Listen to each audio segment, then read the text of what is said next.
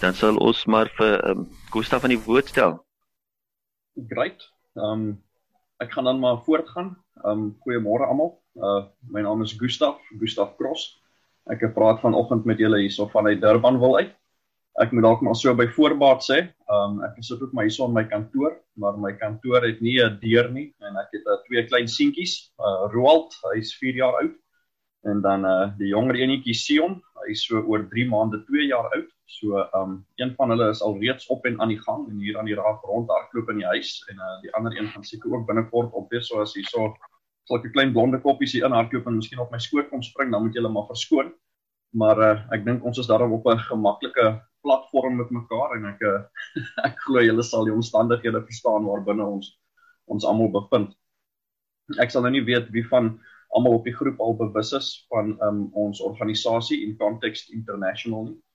So um, ek gaan so vinnig 'n klein bietjie agtergrond skep. Ons bediening is net so oor die 10 jaar oud. Die 1 Februarie het ons ons 10de verjaardag gevier. Bediening is oorspronklik begin deur um, Mike Bernard.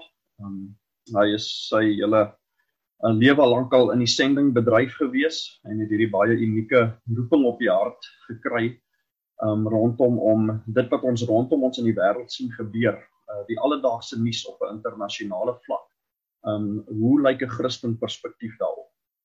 Um ons is so gewoond daaraan om om nie so eenvoudig te ontvang op watter medium dit nou ook al mag wees of dit nou is in die koerant of op jou selfoon of deur in die aand op die televisie daarna te kyk.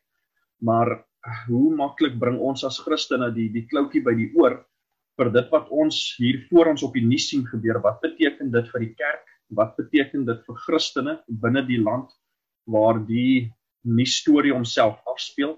Watter impak het dit potensieel op op sending? Dit wat ons voor ons sien gebeur. As ons as Christene tog deel is van 'n van 'n globale kerk, 'n globale liggaam van Christus, dan het dit wat in hierdie ander lande afspeel het op een of ander manier 'n invloed op die kerk en het 'n invloed op die liggaam van Christus. So hoe maak ons dit wat ons as Christene sien op die op ons televisieskerms, hoe maak ons dit ons eie en sien ons wat God besig is om te doen binne in hierdie nuusgebeure. En so dit sien ons um in die oorlog in Sirië om nou maar sommer 'n voorbeeld te gebruik.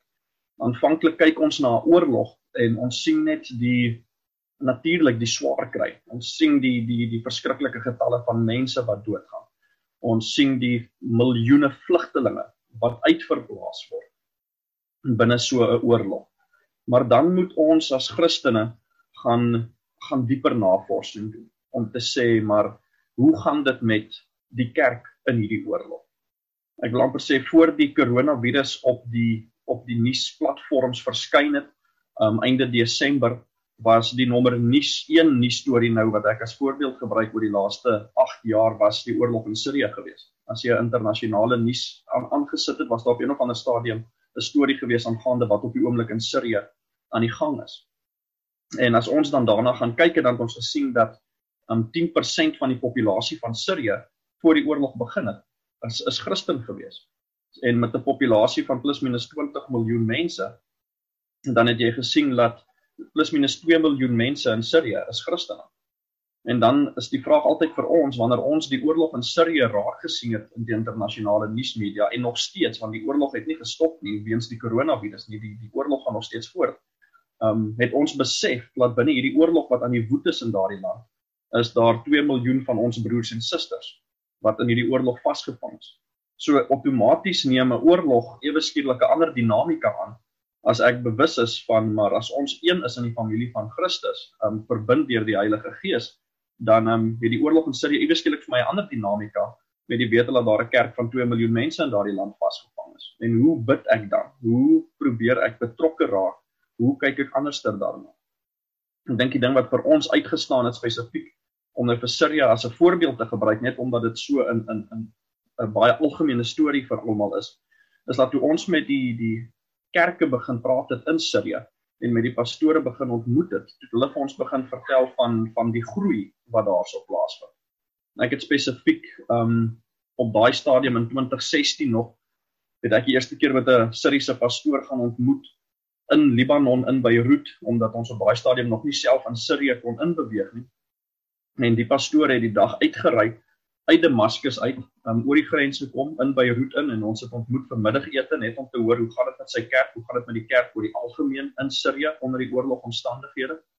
En uh, in die gesprek het ek vir hom gevra, ek het hom gesê pastoor, maar jy weet jy het nou vandag hierdie oggend uit letterlik uit 'n oorlogsone uit uitgery in 'n redelike meer veilige land in in Libanon in.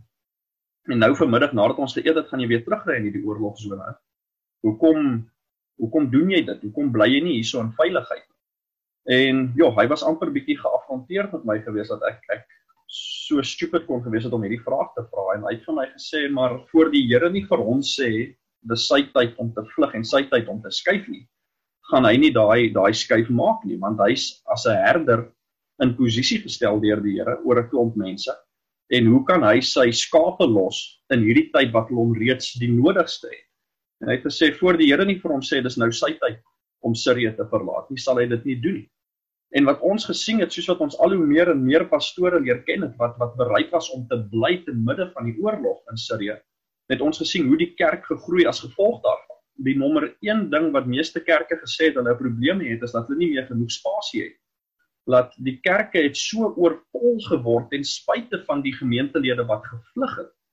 Want soos wat die Christene gebly het, was die Christene die ouens wat die sout en die lig was en nog steeds is in hulle gemeenskappe onder hierdie oorlog.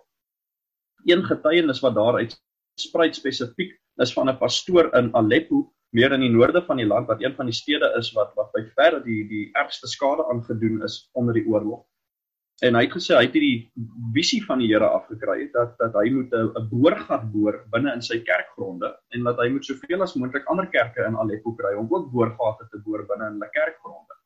En hy was gehoorsaam en het 'n paar van sy ander pastoorvriende gekry om ook hierdie boorgate te gaan boor.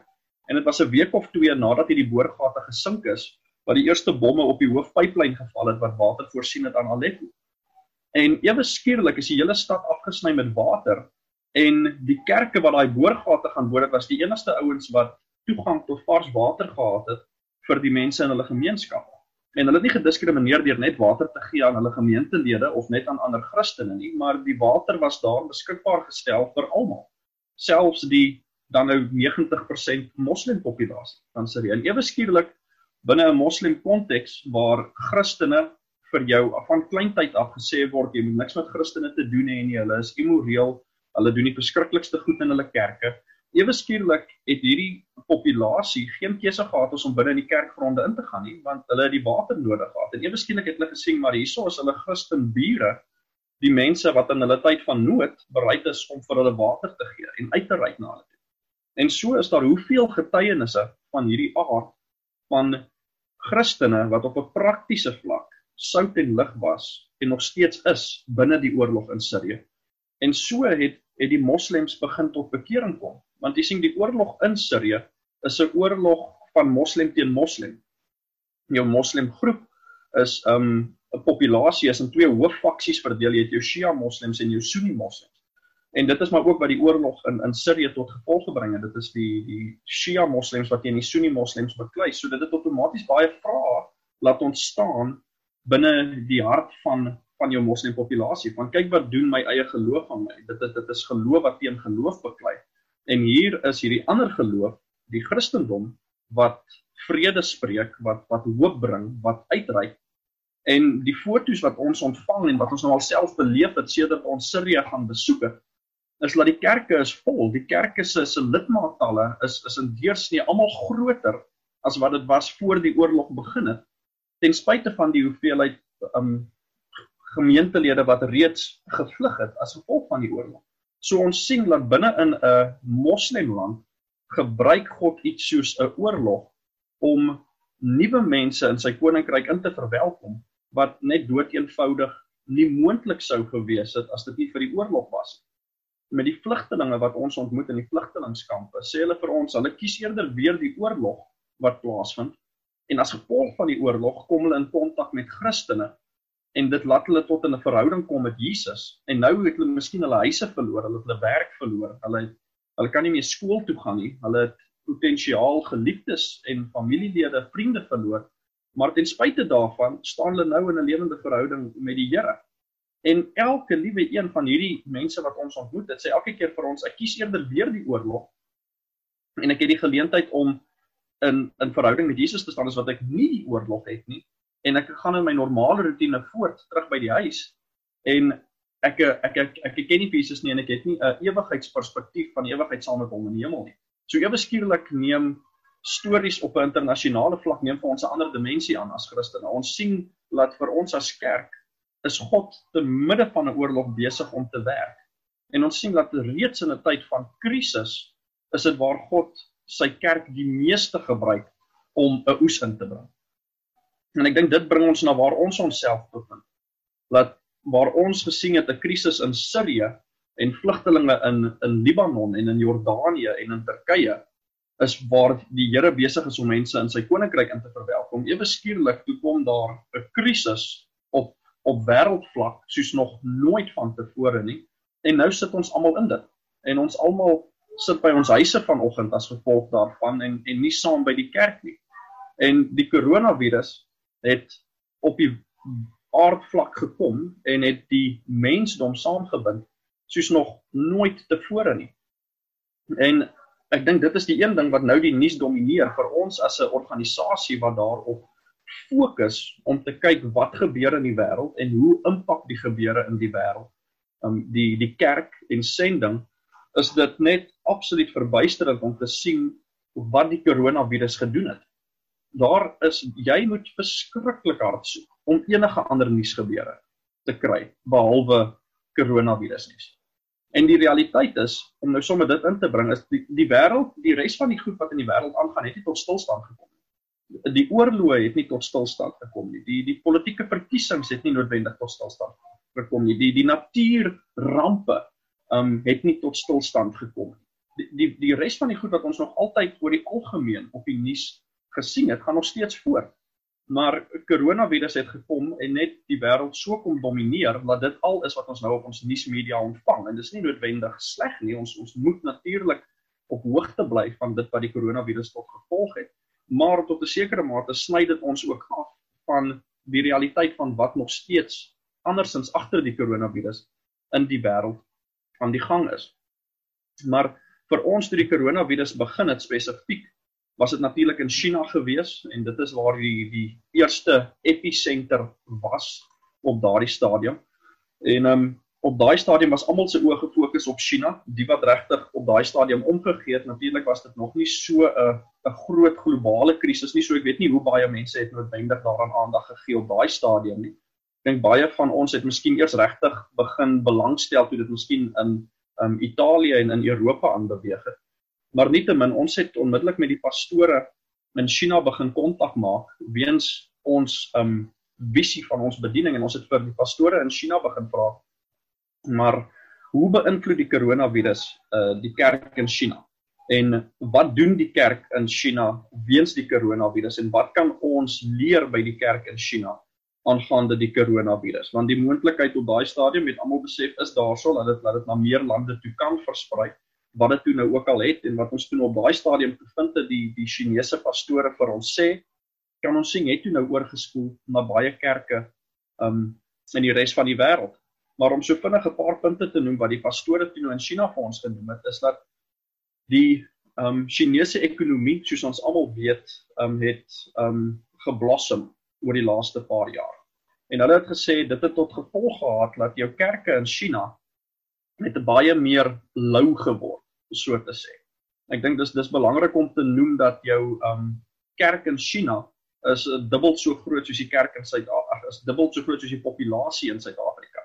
Ons ons kyk na China met 'n populasie van 1.4 biljoen mense, maar nog steeds sit jy met 'n Christen populasie van plus minus 8% en dan is 'n groot gedeelte van die kerk is 'n ondergrondse kerk wat mense nie spesifieke getalle van het nie, maar die die die Christen populasie in China word beraam tussen enige iets van 100 na 120 miljoen mense. So dit is 'n massiewe kerk, maar binne die groter konteks van die populasie van China is dit nog steeds nie eers 10% nie. So jy het 'n sterk en aktiewe kerk binne in China. En die pastore het vir ons gesê hulle het ervaar dat weens die ekonomiese welvaart wat China beleef het oor die laaste 10, 15 jaar, het daar 'n louheid in die kerk in beweeg. Die die mense het hulle na 'n groot tyd van vervolging sedert die 1940s het um daar 'n groot louheid oor die kerk in beweeg weens ekonomiese welvaart en ek dink dit is maar te sien in alle dele van die van die wêreld dat um dis so maklik om jou oog van God af te haal as dit te begin goed gaan en dan ewe skielik um word geld en welvaart 'n bietjie groter aanloklikheid as as dinge nie meer so sleg gaan nie. Maar ewe skielik kom die koronavirus en ewe skielik besef die mense weer dat um ja, my my geld kan my nie red nie. Hier is uh, nog nie 'n vaksin wat ek kan gaan koop um, met al my geld wat ek het nie. Ewe skielik is God weer die enigste hoop. En hulle het op daai stadium vir ons gesê dat hulle het weer ewe skielik 'n groot oplewing binne die kerk gesien weens die koronavirus want ewe skielik het hierdie ouens wat gevoel het dat hulle nou warm begin word, dit het hulle weer begin terugtreë na die Here toe. En ewe skielik, soos wat hierdie ding begin groei het oor oor die aarde, het ons gesien maar dit het dit het 'n global fenomeen geword binne die kerk. Eh, veral binne 'n westerse konteks. Ewe skielik is kerke geforseer om tegnologie te gebruik. Kerke wat nog nooit voorheen Zoom gebruik het nie, kerke wat nog nooit voorheen kerkdienste ge-livestream het oor Facebook nie. Ewe skielik moes almal tegnologie begin embrace en ewe skielik toe mense hierdie getalle begin kry van hoeveel mense aanlog met live streaming um kerkdienste en hoeveel mense um na die tyd dienste wat opgeneem is gaan kyk sien jy mense maar joe hierdie kerkdienste word deur meer mense gekyk en meer mense bygewoon as wat die gemeentetalle is gemeentegetalle is van daardie gemeentes. Ons het spesifiek uit Europa uit het ons die getalle gekry van kerke wat hulle dienste uitsaai en wat ewe skielik enigiets tussen 3 tot 8 keer meer mense het wat inskakel op hulle dienste as wat hulle eie gemeentegetalle is. En dit is 'n deursnee ding veral spesifiek met die kerke wat ons in Europa gepraat het. Wat hulle sê hulle het in deursnee, soos ek sê, tussen 3 tot 8 keer meer mense wat na hulle dienste kyk op die internet as wat in hulle kerkdienste sou gesit het in die kerkbank. En outomaties kom jy tot die gevolgtrekking maar daarso is 'n soeke na God. Want hierdie ouens wat ekstra inskakel na hierdie kerkdienste toe uh, dis nie dis nie noodwendig ander Christene nie want nou het elke kerk sy eie manier hoe hy sy eie gemeentelede probeer bedien. Hierdie addisionele ouens wat van 3 tot 8 keer meer jou getalle verdubbel is mense wat nie normaalweg in die kerkbanke gekom het nie. Maar ewe skielik word hulle gekonfronteer met hulle met hulle eie sterflikheid en besef hulle maar ja, die mediese wetenskap is nie op 'n punt waar hy noodwendig my lewe kan red nie. My geld is op 'n punt waar dit nie my lewe kan red nie. En ewe skielik begin God weer 'n aanloklikheid word. En sien ons dat daar is groei in kerkverband wat ons nog nie voorheen gesien het nie.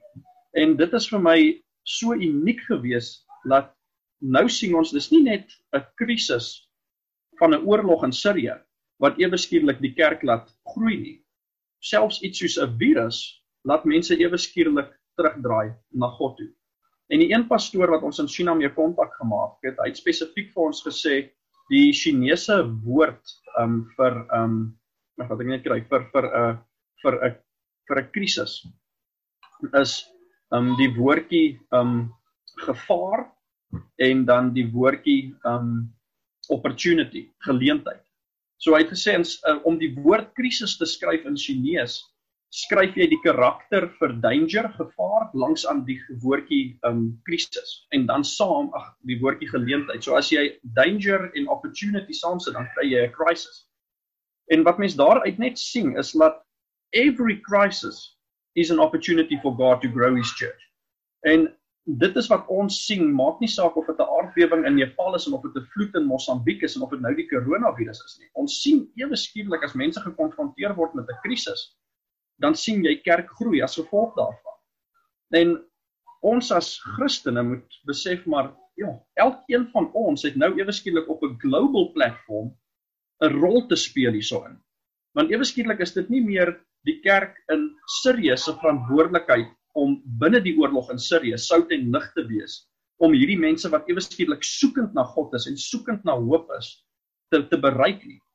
Nou ewe skielik sit ons met 'n krisis wat elke nuwe kerk en elke nuwe land in die wêreld beïnvloed en ons is nou deel van hierdie krisis en ons is nou deel van God se antwoord tot hierdie krisis om hierdie mense wat in ons gemeenskappe soekend na hoop is te bereik op watter manier ook al vir ons moontlik is.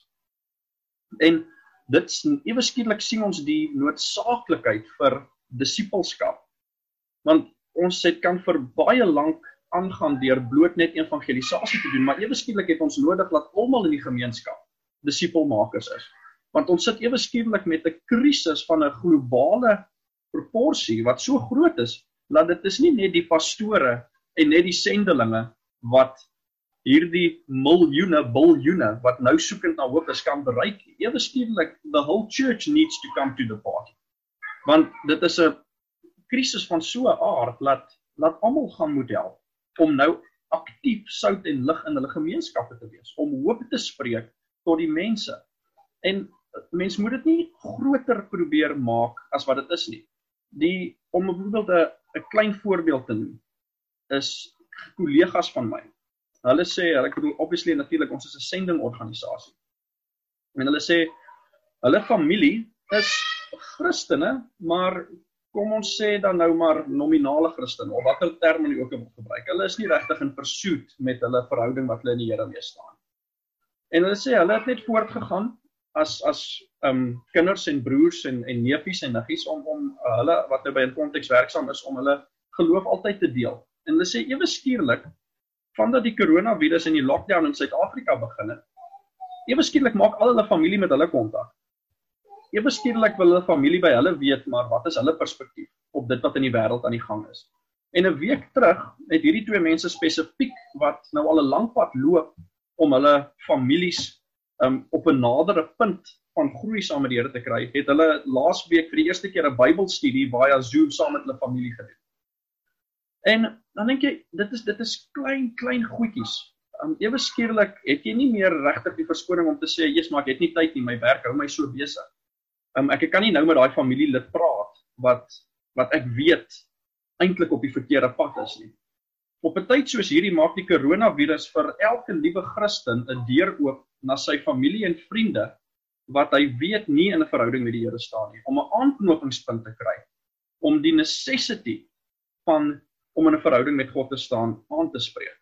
En as elke Christen van die gemeenskap wat die Here rondom hom geplaas het, of dit nou vriende en familie is, gebruik maak om in hierdie tyd in daai gemeenskap wat hy invloed het, sout en lig te wees. Van ons se groei sien binne die kerk soos nog nooit tevore. So ewe skielik sien ons dat ons het 'n krisis wat die kerk saambind soos nog nooit tevore. En dit is een van die ander goed wat die kerk in China vir ons gesê het en wat toe nou ook uitgesprei het na 'n uh, op na internasionale vlak toe is gebed. Wat hulle sê die die oplewing in gebedsaksies het ewe skielik net vlam gevat soos nog nooit vantevore nie.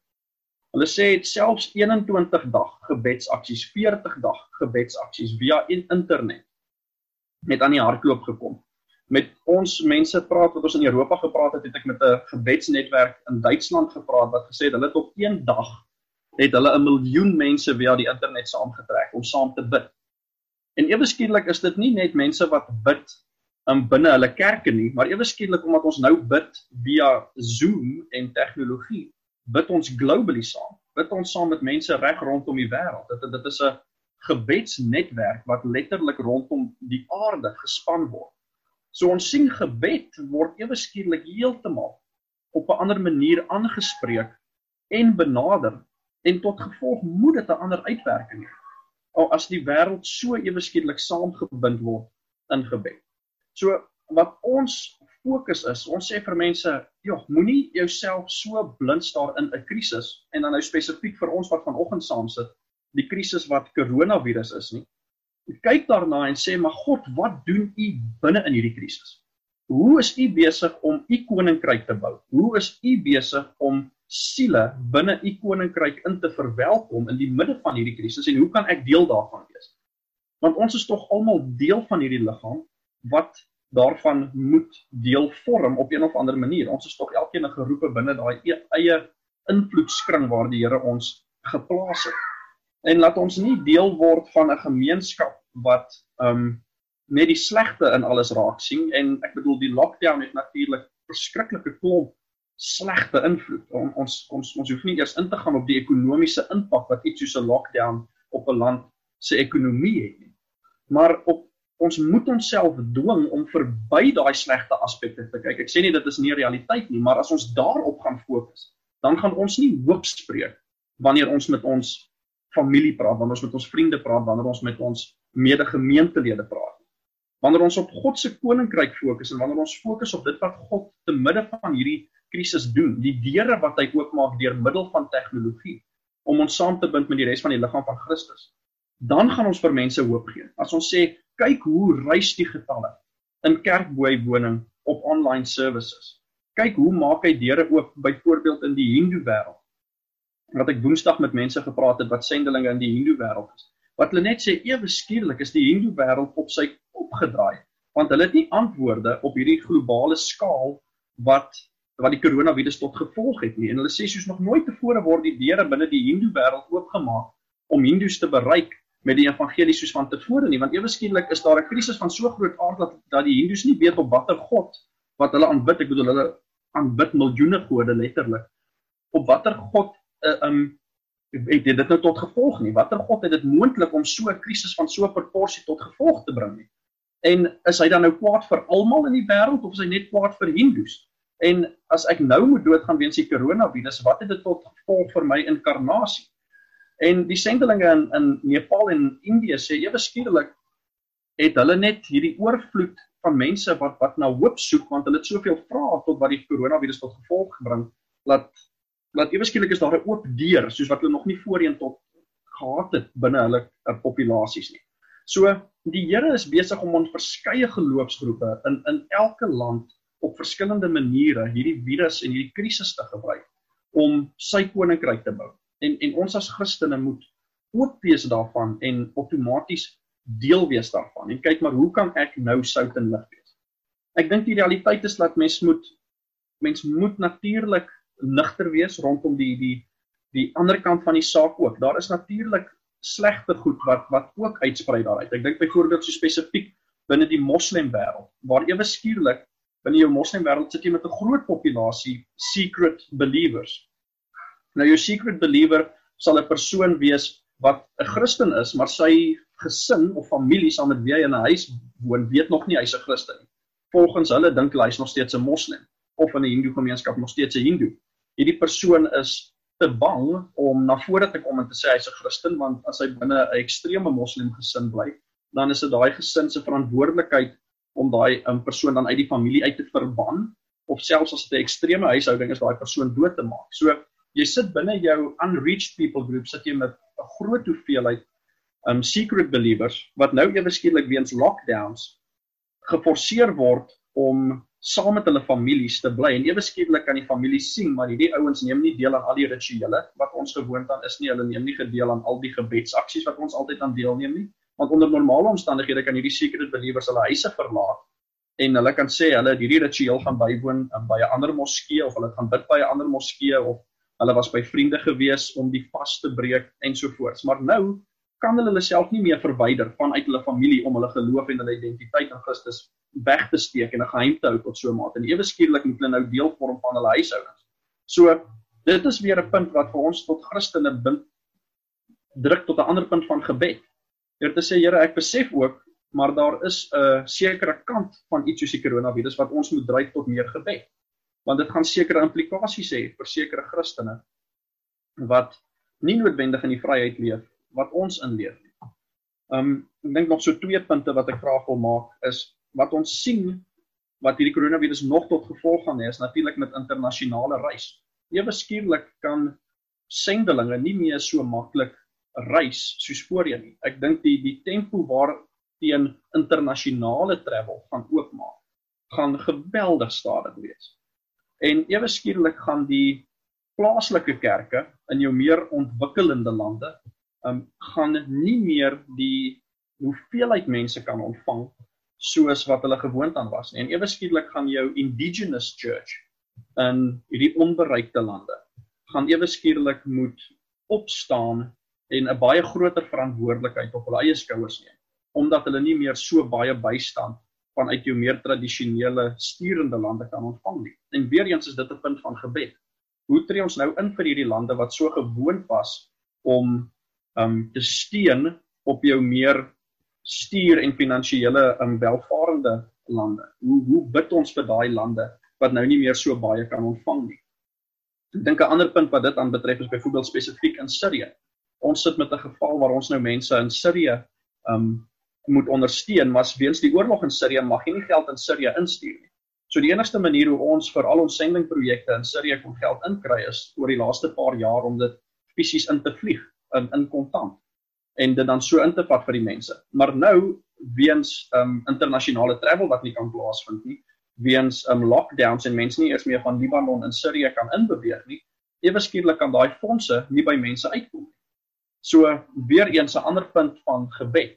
So daar het soveel dinamikas wat wat die koronavirus tot gevolg het vir ons as Christene dat daar is goed om te celebrate en goed om deel van te vorm, maar daar is ook goed wat daar nou anderster in gebid moet word.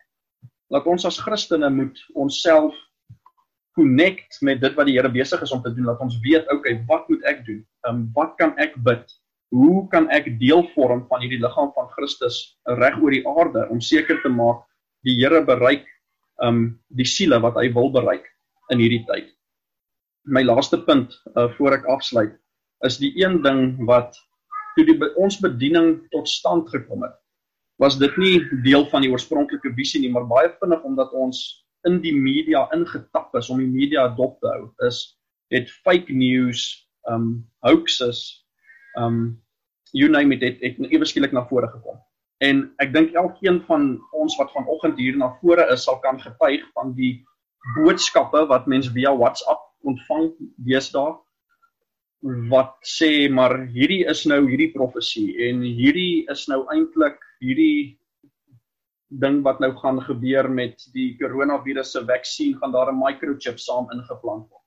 Ewe skielik weens die enormiteit van hierdie krisis het ons 'n oplewing in in fake news en en hoaxes gesien soos nog geen ander storie van tevore bloot net omdat die hele wêreld se populasie daardeur geraak word en die hoeveelheid van hierdie goed wat die rond is doen wat nie waar is nie dis is is skrikwekkend en ek bedoel by, by dis by die oormeerderheid wat nie waar is nie maar die gemak en die vinnigheid waarmee Christene hierdie goeders ontvang en net bloot aanstuur is eintlik meer skrikwekkend.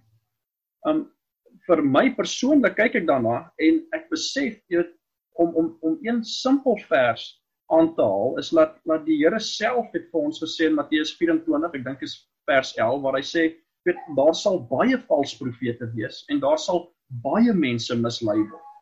Nou as ons weet, ek kan nie elke liewe persoon wat 'n WhatsApp boodskap kan stuur kan verifieer wie is hierdie persoon in watter land is hy Hoe weet ek wat is sy agtergrond? Maar nou ontvang ek 'n voice note of ek ontvang 'n video van 'n persoon wat een of ander teorie het en ek besluit, "Jo, ja, dit dit dit moet waar wees. Kom ek stuur dit aan."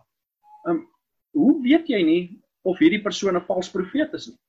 As as die Here vir ons sê daar gaan so baie vals profete wees nie en daar gaan so baie mense mislei word.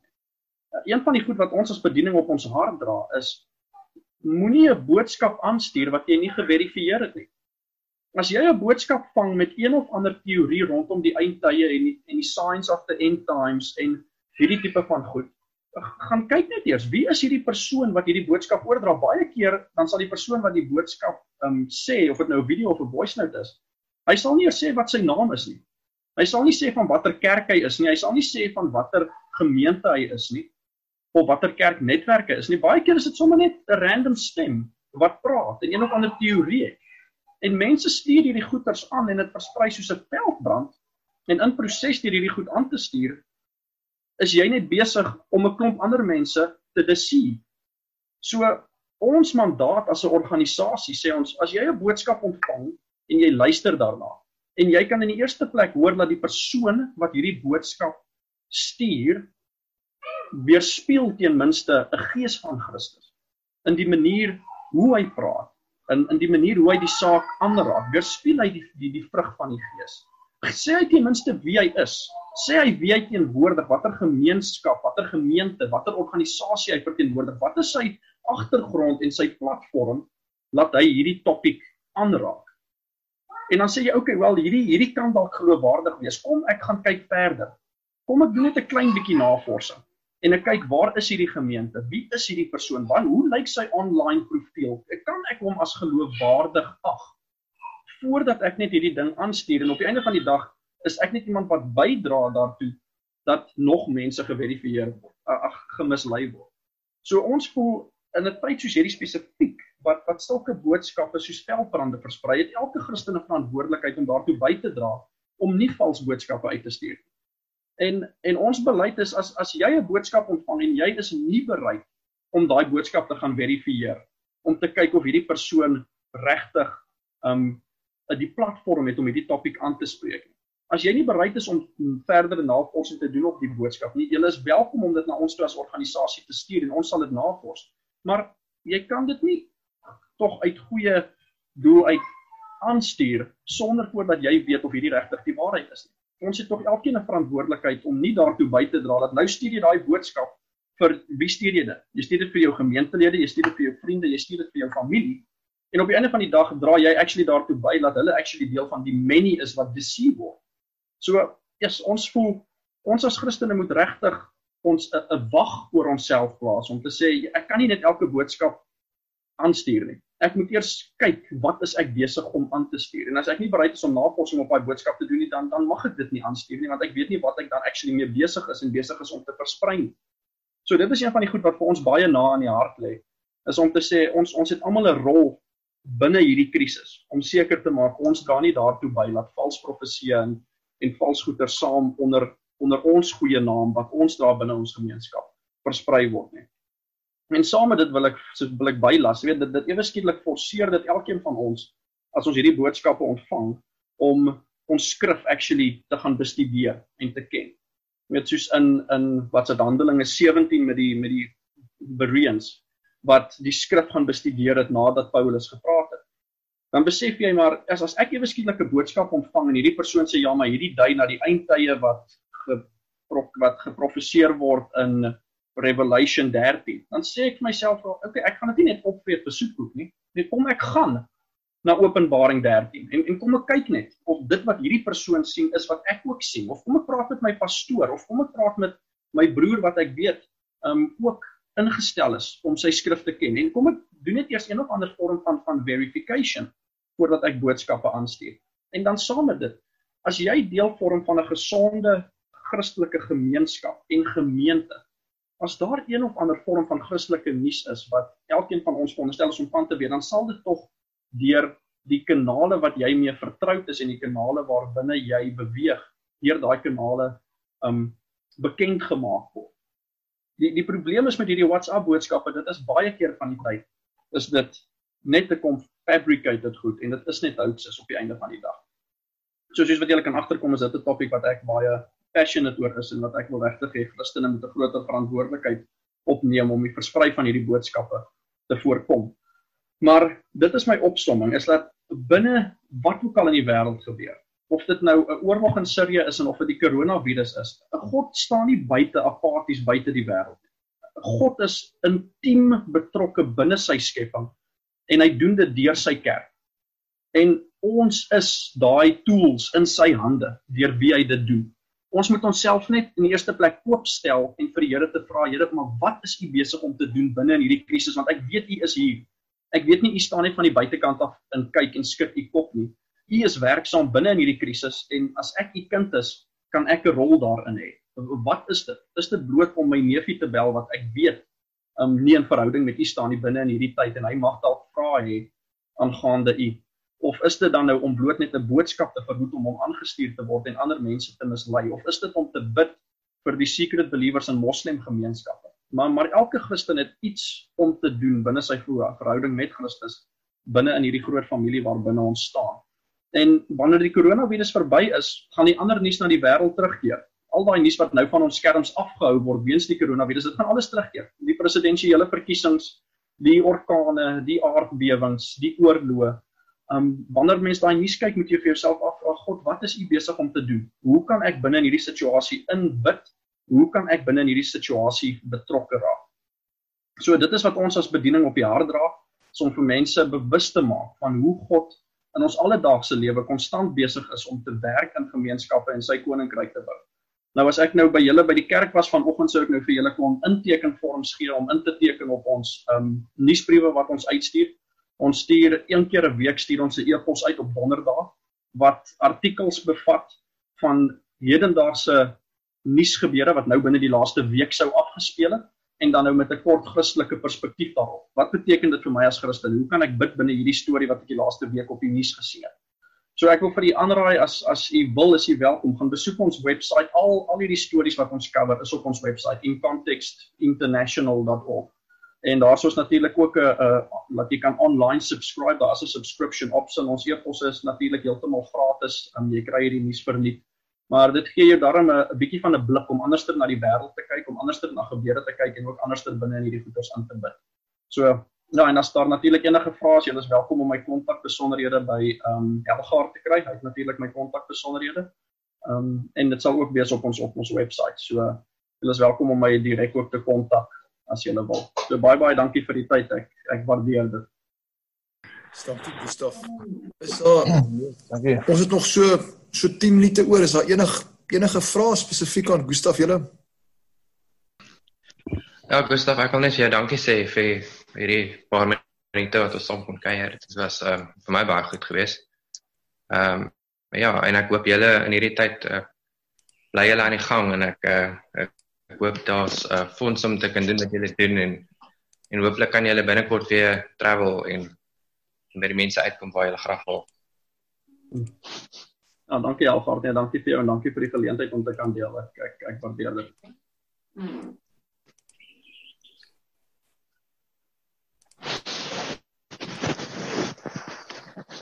Ja, Gustaf, ehm um, julle nuus wat julle na kyk en dan julle julle uh goed oor uitstuur elke week. Is dit spesifiek Suid-Afrikaanse nuus? Met ander woorde nuus uh wat uit Suid-Afrika hoe kan ek sê, weet uit weer die koerante hierso of die of die Media 24 IOL of Bioko of is dit internasionaal want hoekom ek dit vra is byvoorbeeld ek kyk na CNN en ek sal na Fox kyk En ergens tussenin is daar ergens een of ander goue middeweg hoop. Yes. Jy hoor allerhande goed en dit is dit, dit ja. maak confusing dat ek naderhand met ander woorde die nuus sources wat ek nou kyk veral in Suid-Afrika ja. lees ek nie eers meer nie dit is nie ja. baie geloofwaardig nie never mind news jy hoor wat ek sê. Ja. So waar ja, kry julle die hierdie regte kernels uit met waar gaan soek julle vir die amper die waarheid? Ja, Johan, jy, jy raak nou 'n ding aan wat wat vir ons as organisasie baie na in die hart lê en dit is ongelukkig die die die bias um uh, van van news media. En daar is nie so 'n uh, 'n nuus media wat wat nie um jy weet na een of ander kant toe swaai nie. Elke ou het maar 'n opinie om te dryf. Dit is ongelukkig die realiteit. Nou, ek sou amper sê ek ek sal daarvan hou as mens miskien eendag die geleentheid kan kry om 'n uh, om 'n seminaar aan te bied by um miskien by julle gemeente want dit is een van die goed wat ons graag wil doen want daar's net soveel goed in die wêreld aan die gang en wat gebeur rondom die wêreld wat mens um wat mens van bewus moet wees. En een van die goedes is dat ons ontvang die nuus soos jy sê van die nuusmedia af maar elke ou het 'n kant om te dryf. Jy weet soos jy nou spesifiek sê CNN en Fox is die voorbeeld wat ons verskriklik lief is om te gebruik want CNN is totaal en al met die demokratiese party in Amerika opgelyn en Fox News is totaal en al met die Republican Party in Amerika opgelyn. So as jy daai twee soos jy nou sê afspeel teen mekaar, jy sal nie glo dat dit dieselfde Donald Trump is waarvan daar gepraat word nie. As as dit Fox is, dan's Donald Trump, jy weet almal se hero en as dit CNN is, dan sy die slegste president wat daar ooit was. En dit is ongelukkig die realiteit, maar ons bediening het het 'n internasionale calling en 'n internasionale roeping. So as jy ons nie sal ontvang, dan sal ek sal sê argumente onthou is 90% van die nuus sal internasionale nuus wees. Miskien 10% sal Suid-Afrikaanse nuus wees. Ons want ons wil die die global church serve met 'n global perspective of what God is doing in the world.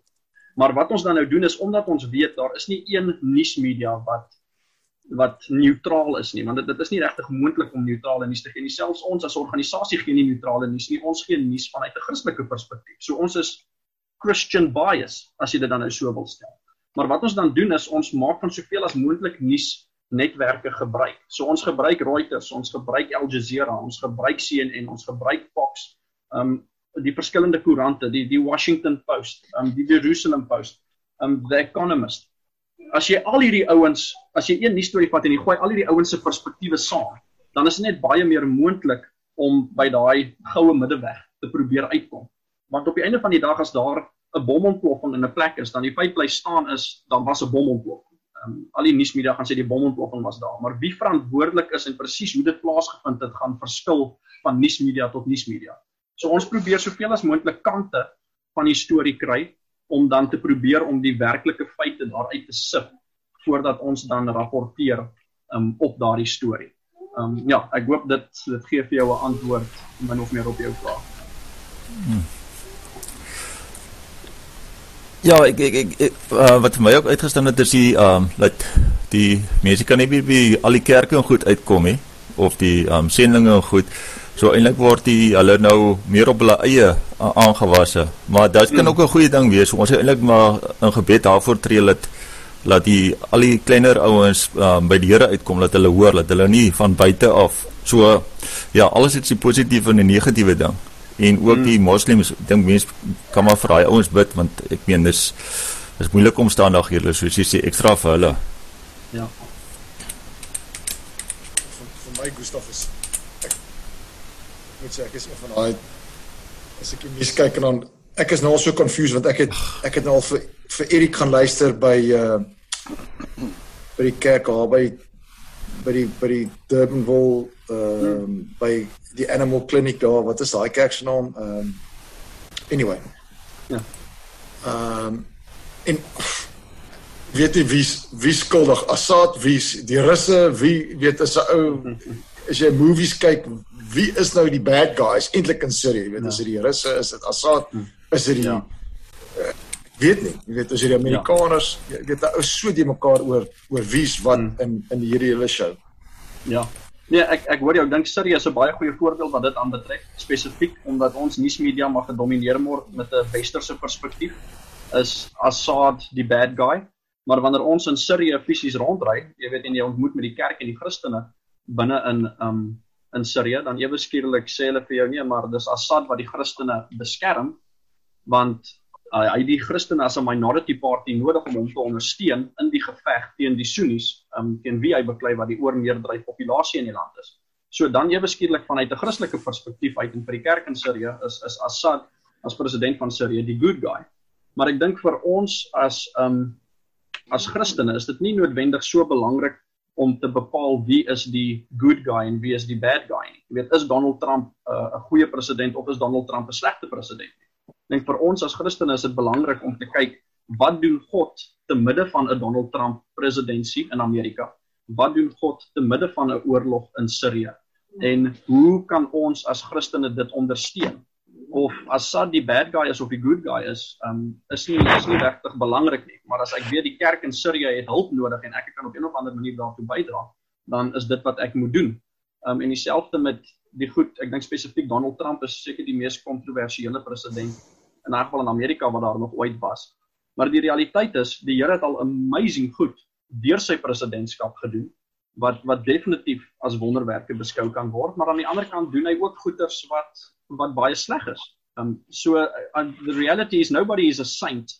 Um that he is perfectly holy and everything he does is good. Uh Donald Trump doen goeie goed en slegte goed. Uh Bashar al-Assad in Sirië doen goeie goed en slegte goed en elkeen van ons doen goeie goed en slegte goed. En nie nie een van ons is perfek nie.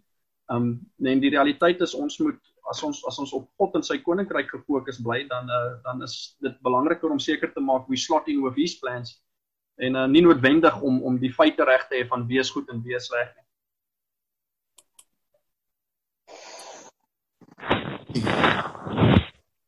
Wanneer nog enige laaste verdere